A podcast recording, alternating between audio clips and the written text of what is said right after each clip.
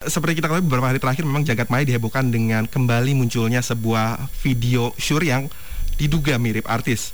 Dan saat ini aparat kepolisian maupun pemerintah tengah bekerja untuk mencari siapa pelaku di balik penyebaran video tersebut dan saat ini kami sudah tersambung ya dengan Mas Roy Suryo, praktisi multimedia telematika sudah bersama kami. Selamat malam, Mas Roy. Ya, selamat malam, Mas. Uh, mohon maaf mungkin karena saya juga tadi sempat di jalan jadi artinya agak agak agak ada kendala tapi moga-moga nanti kalau bisa bisa apa live uh, di IG-nya monggo tapi kalau enggak sementara by phone dulu. Baik, terima kasih uh, Mas Roy ya. Tadi juga memang uh, masih dalam perjalanan dan tadi kami sudah ini ya apa sudah memberikan sedikit pengantar dan kami tidak ingin ini ya maksudnya lebih kepada membahas artis tertentu apalagi ini membongkar aib, apalagi menghakimi ya. Kita tentunya ingin memberikan enlightenment atau enggak pencerahan ya, tentunya Mas Roy ya.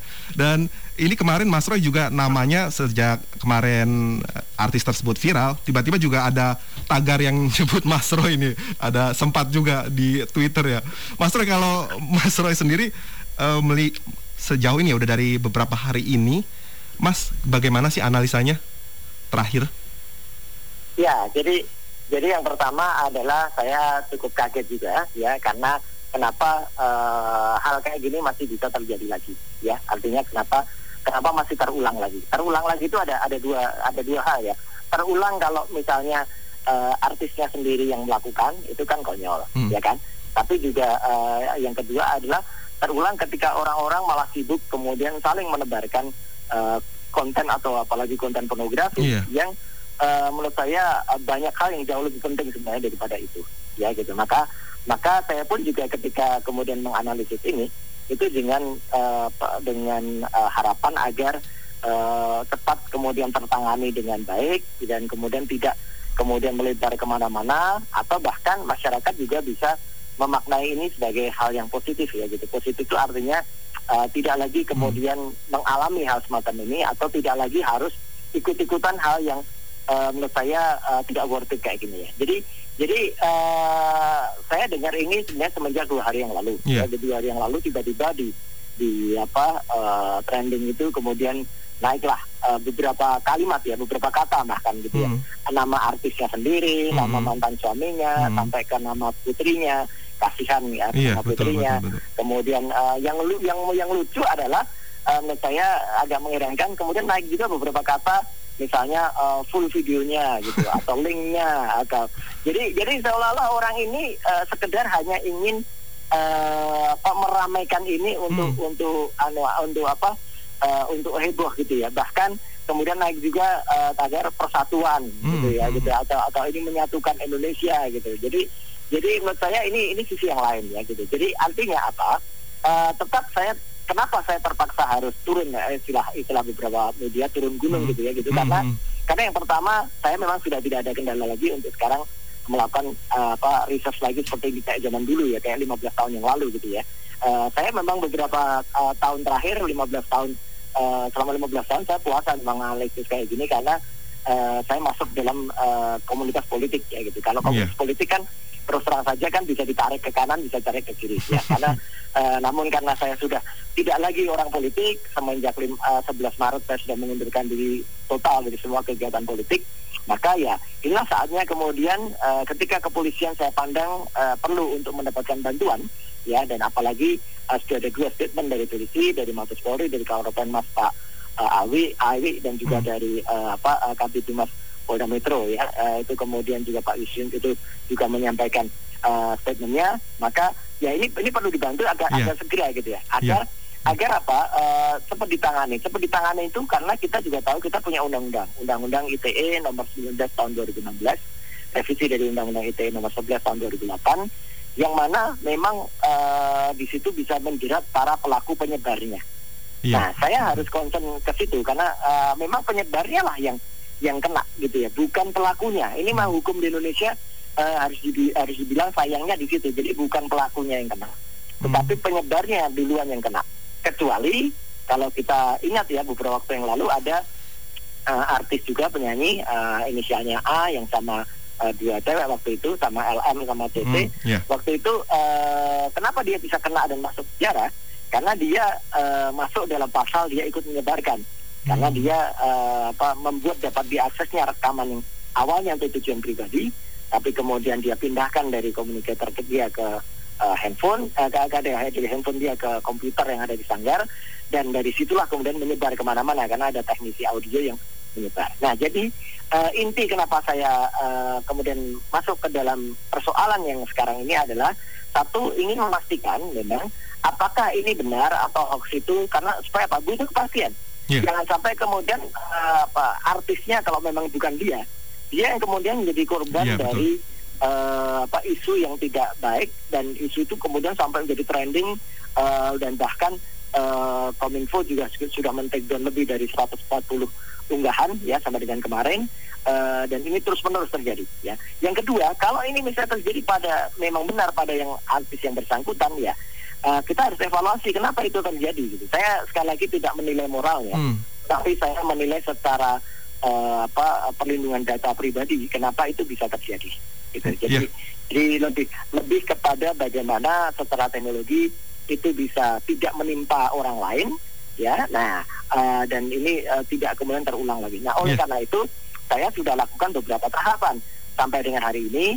Saya sudah lakukan tahapan dengan uh, memperbandingkan uh, visual dari uh, apa uh, orang yang ada dalam video 19 detik itu ke dalam uh, program yang memang biasa kita gunakan. Yang ada di Twitternya Mas Roy juga ya? Ya, itu betul. Itu yang yang ada di saya uh, yaitu comparison apa Hmm. face comparison atau untuk untuk membandingkan uh, merecognize uh, wajah seseorang dan itu kita harus punya sampel pembandingnya dan sampelnya cukup mudah karena kalau kalau artis uh, JA ini kan uh, dia dia banyak sekali tampil di medsos ya gitu baik di IG-nya Iya. uh, maupun di di uh, kanal dia gitu. Jadi itu bisa diambil banyak. Nah, yang menarik adalah apa? Hmm? terus terang saya harus bilang artis GA ini agak sering berubah aja gitu ya gitu mulai dari awal dia dulu eh, saat eh, tampil di Idol ya eh, sampai dengan sekarang itu kan setidaknya dia banyak oplas lah gitu ya gitu jadi mulai dari hidungnya eh, alisnya dan lain sebagainya sehingga memang eh, ada ada perubahan-perubahan yang terjadi pada pada dia sendiri. Saya pun saya pun mencoba melakukan apa sampling internal ya. Jadi wajah dia di IG eh, tanggal sekian kemudian tanggal sekian atau bulan kesekian itu pun kalau diperbandingkan tidak 100% juga. Jadi munculnya 91 persen jadi itu pun asli dia dibandingkan dengan asli dia. Hmm. itu pun juga berbeda-beda gitu. Nah maka ini juga penting untuk dikasih catatan kenapa hasil yang muncul ketika diperbandingkan dengan video yang heboh itu hanya sekitar 72 sampai dengan 74 persen. Iya. Ya. Mas Roy, Ini- eh, mohon maaf saya mau nyapa juga pendengar di IG. Ini kita masih live di Instagram juga. Jadi untuk yang Ya, ya, nongkrongin di Instagram bisa tetap komentar. Silahkan komentar di Instagram El Sinta and Talk. Silakan Mas Roy. Ya, ya betul. Silahkan, eh, silahkan tuh yang IG. Cuman pesan saya yang di IG agak update ya, jangan kudet ya gitu. karena karena karena karena banyak yang kudet tuh ma- masih masih pada komentar isu yang tidak ya, isu-isu lama yang ya. tidak inkrah, ya kan? Silakan, yang- Mas Roy, yang, yang, lanjutkan. yang, yang, yang, yang pelakunya, yang penebar isunya malah sudah masuk penjara masih pada kudet, ya kan gitu. Eh, eh, jadi, nah, jadi saya kembali ke isu yang ini ya, Hmm. ke, ke isu utama. Jadi artinya apa? Artinya apa?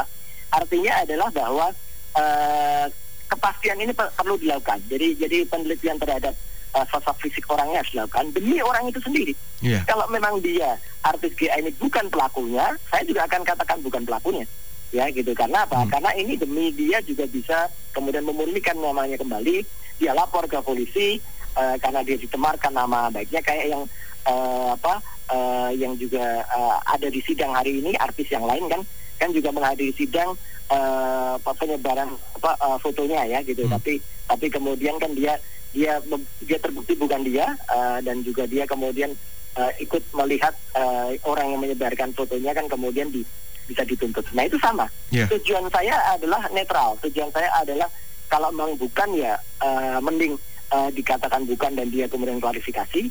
Tapi kalau memang iya, ya ya sudah ya artinya nanti eh, mungkin pihak kepolisian bisa menangani hal yang lain. Apakah menangani bagaimana prosedur fotonya itu beredar, ataukah bagaimana menangani orang-orang yang menyebarkan foto itu karena mau itu artis itu benar atau tidak orang yang menyebarkan foto yang sifatnya adalah pornografi sifatnya adalah uh, tidak sesuai dengan uh, etika Indonesia itu juga bisa kena gitu di di undang-undang ITE kan yeah. bisa kena. Mas Roy, nah, saya mau nanya itu, juga itu oh. mengenai perilaku ya perilaku netizen ya. Ini kan ah. ramai sendiri gara-gara ya istilah itu disebar sebar sebarkan lagi oleh netizen dan juga Pasti. tidak tidak sedikit juga yang itu muncul tiba-tiba mereka udah komentar ke halaman media sosialnya tanpa maksudnya tanpa mengetahui lebih jauh apakah kebenarannya.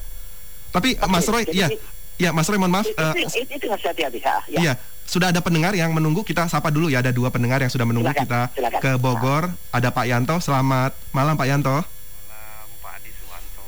Iya. Malam Raden Mas Roy Suryo. Iya, selamat malam Pak Yanto. Silakan Pak Yanto. nih dari Jawa Tengah nih. ini Pak Roy ini sebenarnya kesaktian pelet zaman modern nih. Hmm. Psikologi orang yang udah nonton film itu yang mirip-mirip wajahnya jadi laris manis Tanjung Kimpul di luaran. eh, seperti kakek Sugiono kan tetangga-tetangga saya ibu-ibu sangi semua kalau ngeliat kakek mirip Sugiono. Sayangnya saya muka saya nggak mirip salah satu artis yang yang kemarin-kemarin rame gitu. Iya, iya, iya. Ini buat ini kan Bang Toyib mau ini nih mau mengganggu investasi makanya dikeluarin nih berita kayak begini. Uh, Oke okay, ya. Uh, ya. Kasih, ya. Baik, terima kasih Pak Yanto ya. Uh, pendengar juga tetap ini ya, tetap mohon apa komen yang uh, lebih santun ya. Terima kasih. Dan ke Pesanggerahan Jakarta Selatan ada Pak Agung. Selamat malam Pak Agung. Halo? Ah, Pak Agung terputus Pak Agung bisa telepon lagi ke El Cinta ya. ya. Ya tadi ada ada kalau misalnya dari yang disampaikan Pak Yanto ini ada mungkin disampaikan motif ya, mungkin menyentil ini motif ya. Motifnya apa sebenarnya, Mas Roy? Ya, saya saya saya sebenarnya tidak ingin masuk ke situ ya. Hmm. Meskipun ini ada hubungannya dengan pengedaran setelah artis GA. Hmm. Kan juga kemudian ada ada beberapa lagi nama keluar ya, Mas Roy ya. Ada lagi lah, ada artis CD dan artis artis yang lain ya. Gitu. Hmm. Meskipun saya langsung melihat itu semua palsu gitu ya. Artinya artinya itu adalah eh, video-video uh, yang memang sudah ada sebuah sebelumnya sekedar mencari yang mirip-mirip saja dan kemudian disebut-sebut itu yang tapi uh, meskipun begitu sempat juga jadi trending juga naik yeah. gitu ya. Beberapa orang mengatakan ini pengalian isu ya gitu. Saya saya tidak sekali lagi saya mau, tidak tidak mau komentar politik ya karena hmm. kan ada juga analisis analisis mengatakan ini gara-gara ada yang mau datang nih kemudian dialihkan isu supaya trending ke situ supaya nggak ke sana gitu atau tadi uh, Pak Yanto juga mengatakan nih ada yang mau mengganggu investasi dan sebagainya kan arahnya juga ke sana. Gitu. Mm -hmm. nah, jadi artinya adalah saya lebih concern kepada bagaimana uh, kasus semacam ini uh, kenapa bisa muncul dan kemudian supaya tidak tidak tidak lagi muncul lagi gitu ya gitu jadi ini pun juga kita hati-hati karena sekarang ini uh, orang banyak juga yang sudah bisa manfaatkan banyak aplikasi atau program yang sejenis deepfake atau sejenis uh, reface ya gitu itu adalah uh, orang yang bisa menempelkan wajah orang lain ataupun hmm. wajah diri kita sendiri meskipun template-nya sudah disediakan kalau pada di, di fake atau pada reface itu kan template-nya misalnya film Titanic film Terminator kemudian film uh, apa klasik itu yeah. memang sudah ada disediakan template-nya sehingga uh, apa wajah kita bisa masuk dan kemudian dengan menggunakan artificial intelligence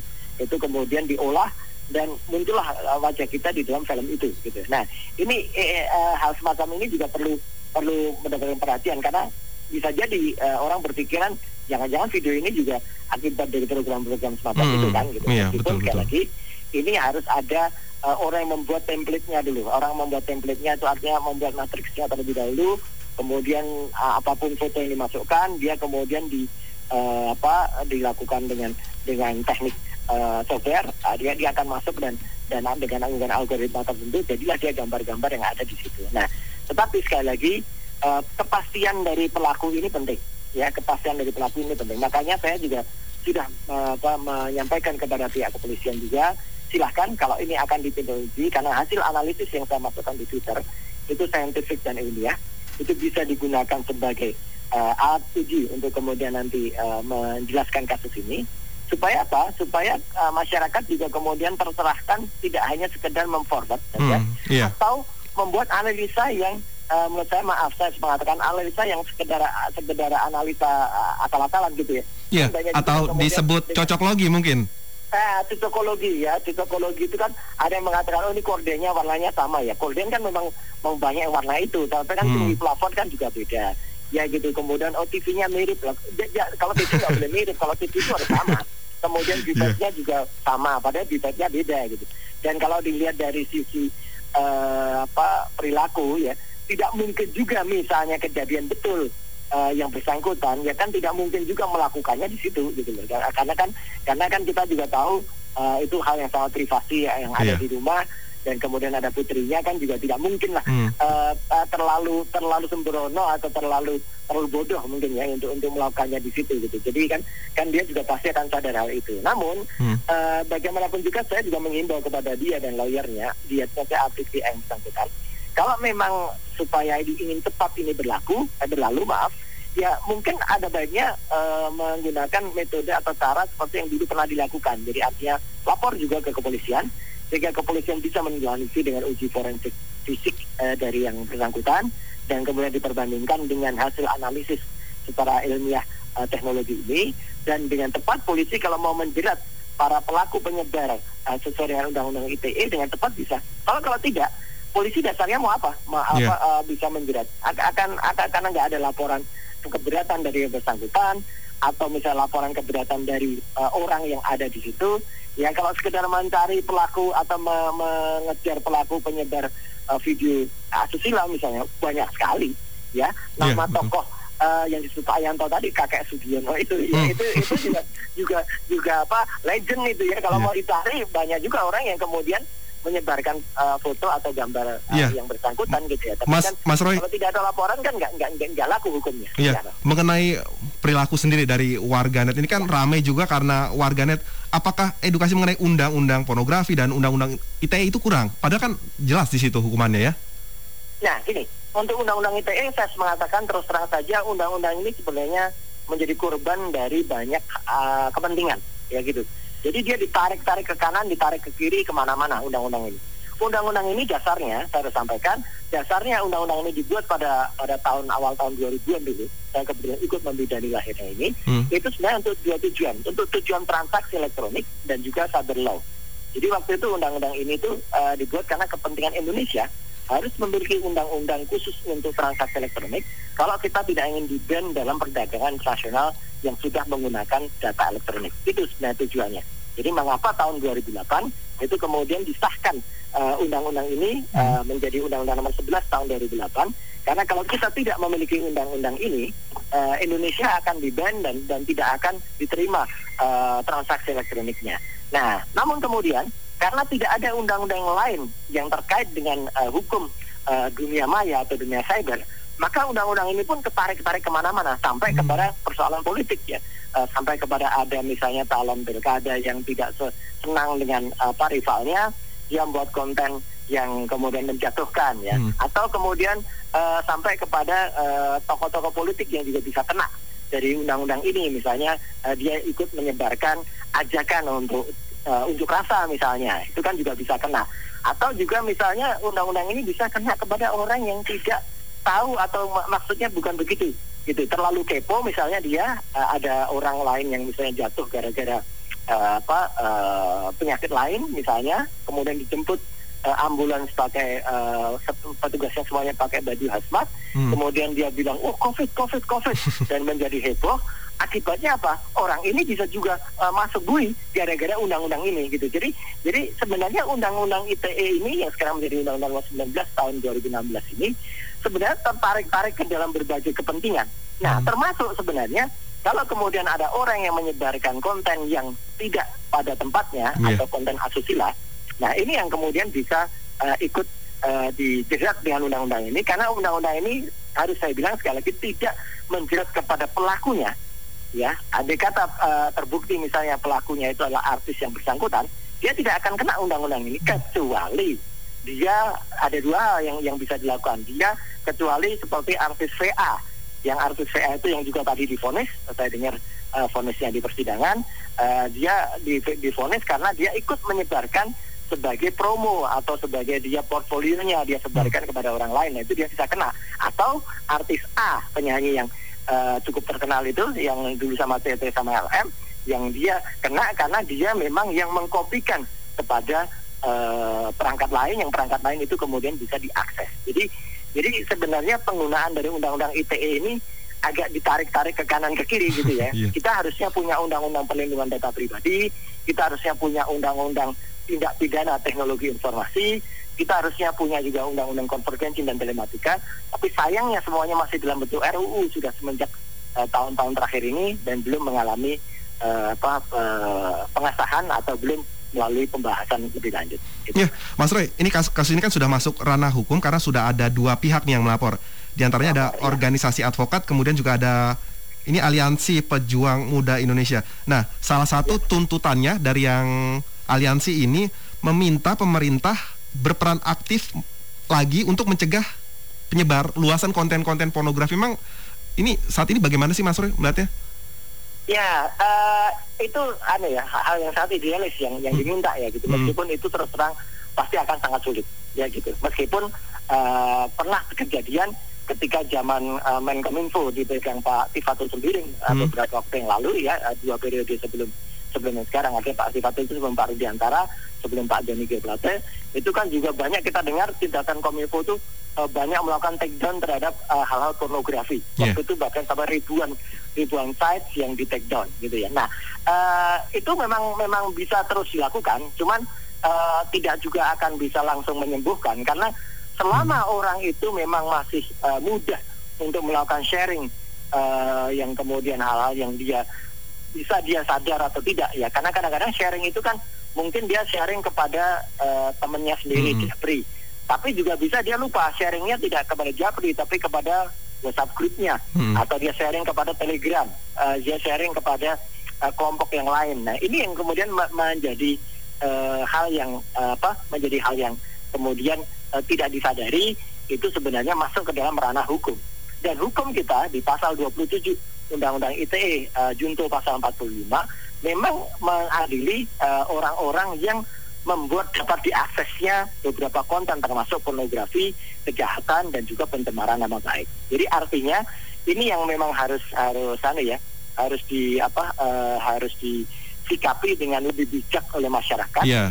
agar uh, tidak sembarangan juga sharing, apalagi kalau ternyata konten itu uh, tidak benar sama hmm. seperti uh, artis JD atau artis anu yang saya sudah langsung mengatakan ini tidak benar gitu karena karena uh, kalau bagi orang yang pernah lihat videonya pasti akan langsung lang, lang, langsung tahu kalau itu adalah uh, apa uh, konten-konten yang yang sifatnya adalah konten yang sangat vulgar, konten yang sangat-sangat uh, apa uh, bukan merupakan tipikal uh, apa yang yang kalau katakan saya lokal ya gitu itu semacam itu uh, kecil kecil kemungkinannya terjadi. Tapi artinya uh, kalau itu pun juga disebarkan itu kan sama sama saja dengan kita sudah sudah sangat uh, melakukan tindakan melanggar hukum ya. ya. Menurut saya, iya sudah melanggar hukum, tidak bermoral buat, dan nih buat netizen dan, ya, buat netizen yang sekarang juga nyimak, iya. pokoknya kalau misalnya ada nyebar-nyebar kayak gitu jangan disebar lagi. Kena ya, loh. gitu. Karena karena bisa kena kita. Yeah. Iya. Uh, kena, nanti misalnya apa yang dilakukan kepolisian kan misalnya melihat dari ketika uh, isu soal uh, apa GA ini trending kapan ya. Hmm. Isu soal GA ini misalnya trending mulai satu malam misalnya. Nah, ketika satu malam misalnya dicek jam berapa mulai naik ya. Nah, jadi misalnya mulai jam 9 malam dan 9 malam di track lagi hmm. uh, pada platform apa itu pertama kali muncul. Nah, dari situ sebenarnya bisa terus ketahuan siapa yang kemudian atau pihak mana yang kemudian memposting pertama. Nah, dari dari yang bisa memposting pertama itulah yang kemudian nanti bisa kemudian terjerat dia. Hmm, Jadi hati-hati harus, ya. harus hati-hati, betul. Bisa di tracing. Bisa saja. Ya. Sampai ke yang awal ya Mas Roy ya. Iya bisa, itu itu bisa bisa terjadi, bisa bisa dilakukan karena sebenarnya bukan hal yang sulit untuk kepolisian mengejar itu. Uh, artinya apa?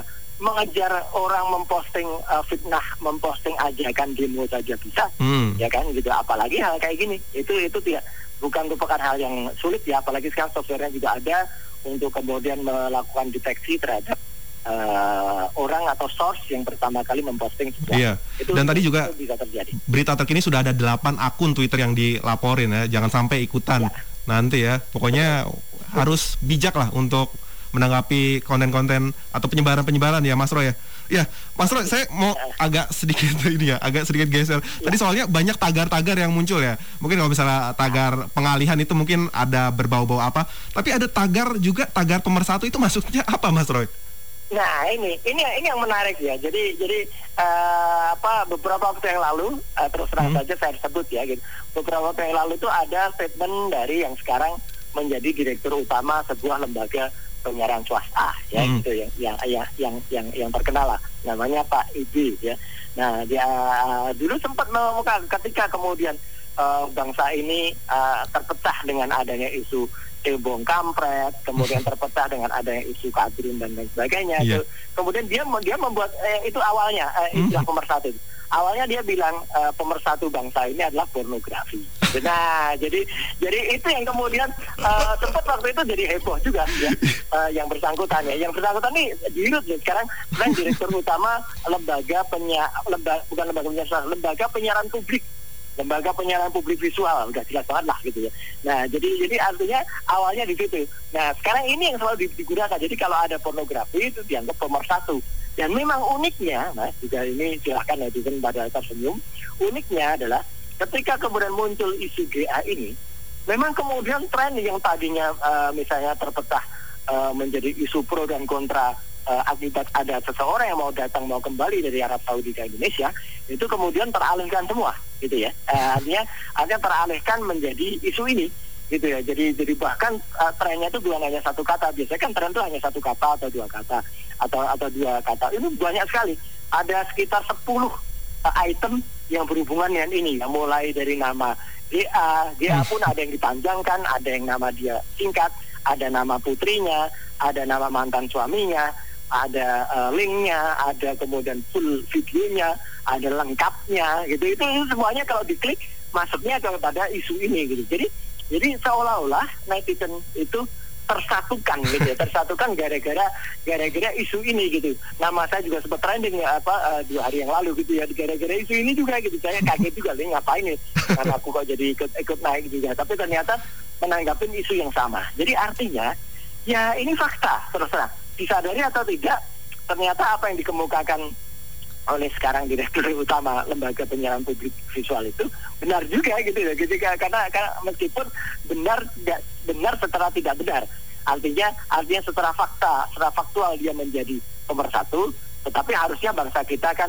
ya tidak perlulah gitu apa uh, harus yeah. dipersatukan dengan isu semacam ah, ini gitu. Nah, yang itu, bikin gitu. geleng-geleng uh, ya ya senyum tapi senyum senyum senyum nggak pas juga sebenarnya nah, gitu. jadi jadi menurut saya adalah jangan sampai juga kemudian isu ini uh, terlalu lama mele, apa, melebar ke mana-mana sehingga malah muncul video video-video yang lain seperti juga CD dan sebagainya juga uh, video yang lain yang yang menurut saya itu sudah sudah asal saja karena nanti nanti uh, orang akan juga mencari yeah. misalnya video yang ya yang tadi disebut lah uh, video sejenisnya Jav itu atau Japan Adel Studio macam kakek Studio yeah. dan dan Mas, dan, dan yeah. orang-orangnya. Mas Roy gitu. berbicara mengenai video syur atau hmm. video panas ya. Sebenarnya ya. ini banyak kasus ya, terlepas dari artis ya, banyak istilah yang uh, bocor ke dunia maya dan tiba-tiba jadi Betul. trending. Nah, ini gimana? Misalnya, ini misalnya ya, cuman misalnya. Ini menarik. Uh, misalnya uh, itu yang ada di situ mirip saya apakah saya perlu lapor gitu, Mas Roy? Gini, gini, gini. Oh. Memang memang ada dua kemungkinan. Kalau memang kita itu sangat tidak merasa bahwa itu apa uh, bukan kita gitu hmm. ya kita ya ya udah tenang aja memang nggak nggak nggak usah nggak nggak nggak usah melakukan apa pun karena hmm. karena toh juga itu uh, ibaratnya uh, tidak akan tidak akan ngaruh apa apa tetapi kalau itu ternyata yang terjadi itu uh, memang kita sendiri ya ya siapa tahu saya tidak saya tidak berharap ya atau saya tidak mendoakan tapi siapa tahu ada beberapa kawan yang memang memiliki video pribadi atau hmm. uh, dengan dengan dengan pasangan yang sah dan kemudian merekam. Ya, nah, suatu saat uh, ketika merekam itu mungkin kita menyimpannya di Google Drive hmm. atau kita misalnya menyimpannya di cloud atau misalnya kita uh, yang secara fisik yang sering tidak disadari mungkin kita lagi uh, membackup uh, handphone kita yeah. ya atau kita ganti handphone Nah kan kadang-kadang kita ganti handphone itu kan kita nyerahkan begitu saja ke, ke toko handphone gitu. Terus sama toko handphone uh, alasan dia ini saya backup dulu ya datanya ya uh, supaya nanti kalau di restart uh, atau di copy itu tidak kemudian rusak atau hilang. Nah uh, tanpa kita sadar data kita masih ada di dalamnya hmm. dan kemudian ikut tercopy. Ini ini kasus ini yang pernah terjadi dulu hmm. ketika kasus ya ya harus saya sebut ya uh, Bandung Lautan Asmara waktu itu ya hmm. ada dua ada dua remaja waktu itu si cowoknya uh, ingin membuat uh, VCD belum zaman DVD waktu itu masih hmm. zaman VCD VCD tayangan tersebut uh, dan kemudian dia minta tolong teman temannya sudah membuat VCD-nya uh, katanya dihapus tapi ternyata dia munculkan kembali dari recycle dunia dan itu kemudian di di restore. Dan dan hasilnya nah kalau memang itu video kita ya kita wajib kemudian melaporkan hmm. uh, si pelaku. Ya gitu. Apa yang terjadi adalah karena jelas si pelaku melakukan tindakan kriminal dan dia bisa dituntut ya kalau tidak uh, kasus kayak gini akan akan banyak terus terjadi yeah. ya jadi jadi jadi uh, perlindungan data pribadi itu makanya sangat penting undang-undang perlindungan data pribadi itu makanya sangat penting dan sayang sampai dengan sekarang itu belum belum juga jadi dibahas dan disahkan. Padahal waktu itu saya sudah kawal sampai prolegnas, sudah sampai program legislasi nasional. Tapi kemudian uh, malah sekarang diturunkan lagi sehingga tidak terbahas lagi. Nah, sekali lagi kalau ini bukan kita, ya mungkin kita uh, kemudian bisa uh, hal lain ya. Kalau ini bukan kita, uh, maka kita akan melihat ma mungkin ada akun yang secara masif atau secara berkepentingan tertentu itu sengaja me, me, terus memberikan apa isu ini gitu. Nah, yeah. kita juga bisa tuntut kepada yang bersangkutan. Karena jelas kalau bukan kita dan dia terus melakukan, kan akibatnya kan ya itu anu lah apa ibaratnya uh, kita dirugikan kan gitu. Nah, yeah. nah, cuman kan cuman kan kadang-kadang kita bisa memilih mendiamkan supaya mereka tahu atau kita uh, apa ikut menanggapi. Saya kadang-kadang juga memilih mendiamkan saja gitu karena menanggapi menanggapi hal-hal yang yang tidak positif kayak gitu ya sama seperti tadi di awal tuh di di IG ada orang yang menyebarkan kembali ke hal-hal lama yang yang sudah sudah inkrah itu yang sudah sudah disidang dan sekali lagi saya harus beritahu itu sudah sidang sudah uh, sudah final sudah inkrah bahkan pelaku penyebarnya saja sudah kan sudah masuk penjara ya gitu meskipun dengan kasus yang lain yeah. nah tapi kan masih masih saja ada orang yang kemudian senang senang lah bapak uh, kepuasan Ma dia gitu yeah. melakukan itu ya mungkin sekali kalau saya bilang ya mungkin biarkan yang di atas lah nanti yang akan menjawab. Iya, Mas Roy, ini pertanyaan terakhir ini berkaitan juga dengan yang tadi disampaikan undang-undang data pribadi dan sekarang ya. sudah canggih serba canggih gawai dan sebagainya. Nah, hmm. gimana masyarakat melindungi data pribadi mereka dengan aman? Baik, pertanyaan bagus ya gitu. Jadi sekali lagi saya mohon maaf mungkin kita tidak jadi bisa tampil di IGL saya nggak tahu karena beberapa kali saya sama Tengku Malisa bisa gitu ya mm -hmm. apa uh, lancar gitu ya. entah tadi dengan kanal yang sama dengan cewek yang sama kenapa kenapa nggak mungkin mungkin mungkin masalah network karena saya lagi ada di Jogja sekarang oh, iya, iya. ya gitu jadi jadi kemungkinan kemungkinan ada ada ada ada tidak tidak baiknya network di situ nah uh, kita harus melindungi data itu sebaik mungkin yang pertama adalah ya sebaiknya kita jangan sembarangan kemudian menggunakan uh, akun atau uh, apa uh, perangkat kita yang tidak terbukti keamanan privasinya. Itu penting ya gitu. Karena karena apa? Karena sering sekali kita kita itu dengan dengan enaknya gitu ya. Hmm. uh, misalnya melakukan email atau memiliki surat yang ada itu kita pakai akun gratisan. Yeah. kemudian kita uh, kirim kepada orang yang juga uh, kita tidak tidak tidak tahu apakah dia uh, yakin secure atau enggak. Itu yang pertama. Yang kedua simpanlah data kita itu juga kepada uh, devices atau media yang benar-benar kita yakini aman.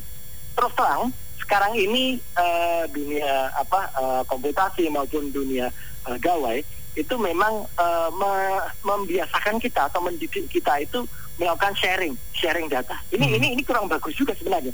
Karena kalau dulu kita sudah dulu tuh banyak orang uh, aman datanya karena misalnya pakai komputer ya komputernya stand alone, yeah. tidak terhubung ke jaringan disimpan ya di hard drive dia, tidak disimpan di dalam cloud, tidak disimpan ke dalam server, tidak disimpan kepada orang. Tapi sekarang enggak. Sekarang kan banyak orang dengan mudahnya atau tanpa uh, apa uh, was-was ya, tanpa tanpa perasaan apa pun, dia simpan data itu semuanya di cloud. Memang itu memudahkan kita di mana pun kita bisa mengaksesnya. Kayak hmm. kita uh, menyimpan di jaringan atau di server, kita melalui terminal apa pun, uh, kita bisa mengakses dengan dengan node tertentu kita ambil dari server. Tapi kan selama perjalanan mengambil dari server atau selama perjalanan mengambil dari cloud itu atau dari Google Drive misalnya itu kan uh, itu kan terletak di antah berantah lah istilahnya begitu. Yang yang kita tidak tidak tahu servernya ada di mana atau data itu disimpan di mana. Dan prinsip di atas langit ada langit itu masih ada terus Jadi uh, semacam orang menyimpan gambar, menyimpan tayangan CCTV di rumah. Hmm. Nah, uh, kemudian kita dikasih IP untuk kita bisa akses CCTV rumah kita dari handphone kita, mas. Gitu.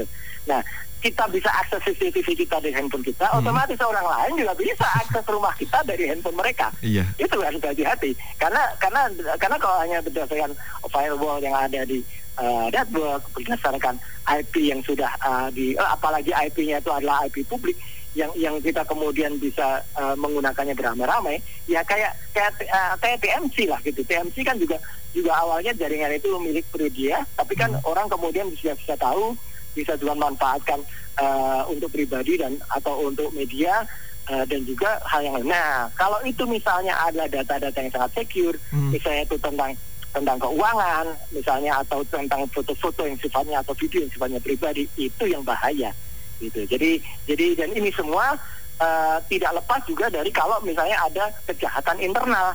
Misalnya kasus yang menimpa gamer kita hmm. ya uh, yang dia kehilangan uang di di salah satu bank ya di uh, di Maybank gitu. Uh, 22 miliar itu itu dia mungkin sudah merasa aman dia simpan itu di bank tapi kalau itu pelakunya internal ya hilang juga data kita. Itu hilang juga uang kita gitu. Jadi jadi sekali lagi semua harus hati-hati semua harus waspada karena kita belum memiliki undang-undang yang memang bisa melindungi benar-benar data kita secara pribadi, uh, apalagi kalau data itu sifatnya sangat-sangat private, sangat-sangat uh, hal itu ya lebih baik kita sangat hati-hati menyimpannya. Kalau enggak nanti kasus-kasus seperti ya video sepasang remaja Bandung Lautan Asmara beberapa yang lalu, kemudian juga uh, apa kasus videonya A, TP dan LM yeah. itu kemudian bisa terjadi lagi. Belum Baik. lagi kalau ternyata yang sekarang ini nanti uh, bisa terbuktikan atau membuktikan hal yang yang tertuduh lah gitu gitu mungkin nanti uh, akan juga bisa sampai ke sana gitu mas. Siap, Mas Roy terima kasih telah bersama El Sinta pada malam hari ini.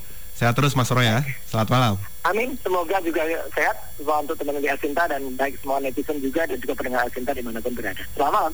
Selamat malam. Demikian pendengar dan juga netizen pakar telematika Roy Suryo. Terima kasih untuk anda yang sudah tadi bergabung melalui telepon dan juga banyak komentar yang sudah masuk. Terima kasih. Ini nggak bisa dibaca satu-satu, tapi terima kasih sudah ikut berpartisipasi dalam Instock pada hari ini, Senin 9 November 2020 dan saya Diswanto. Sebelumnya saya minta maaf jika ada yang salah-salah kata. Terima kasih atas kebersamaan Anda dan sampai jumpa di Instock berikutnya. Elshinta News and Talk.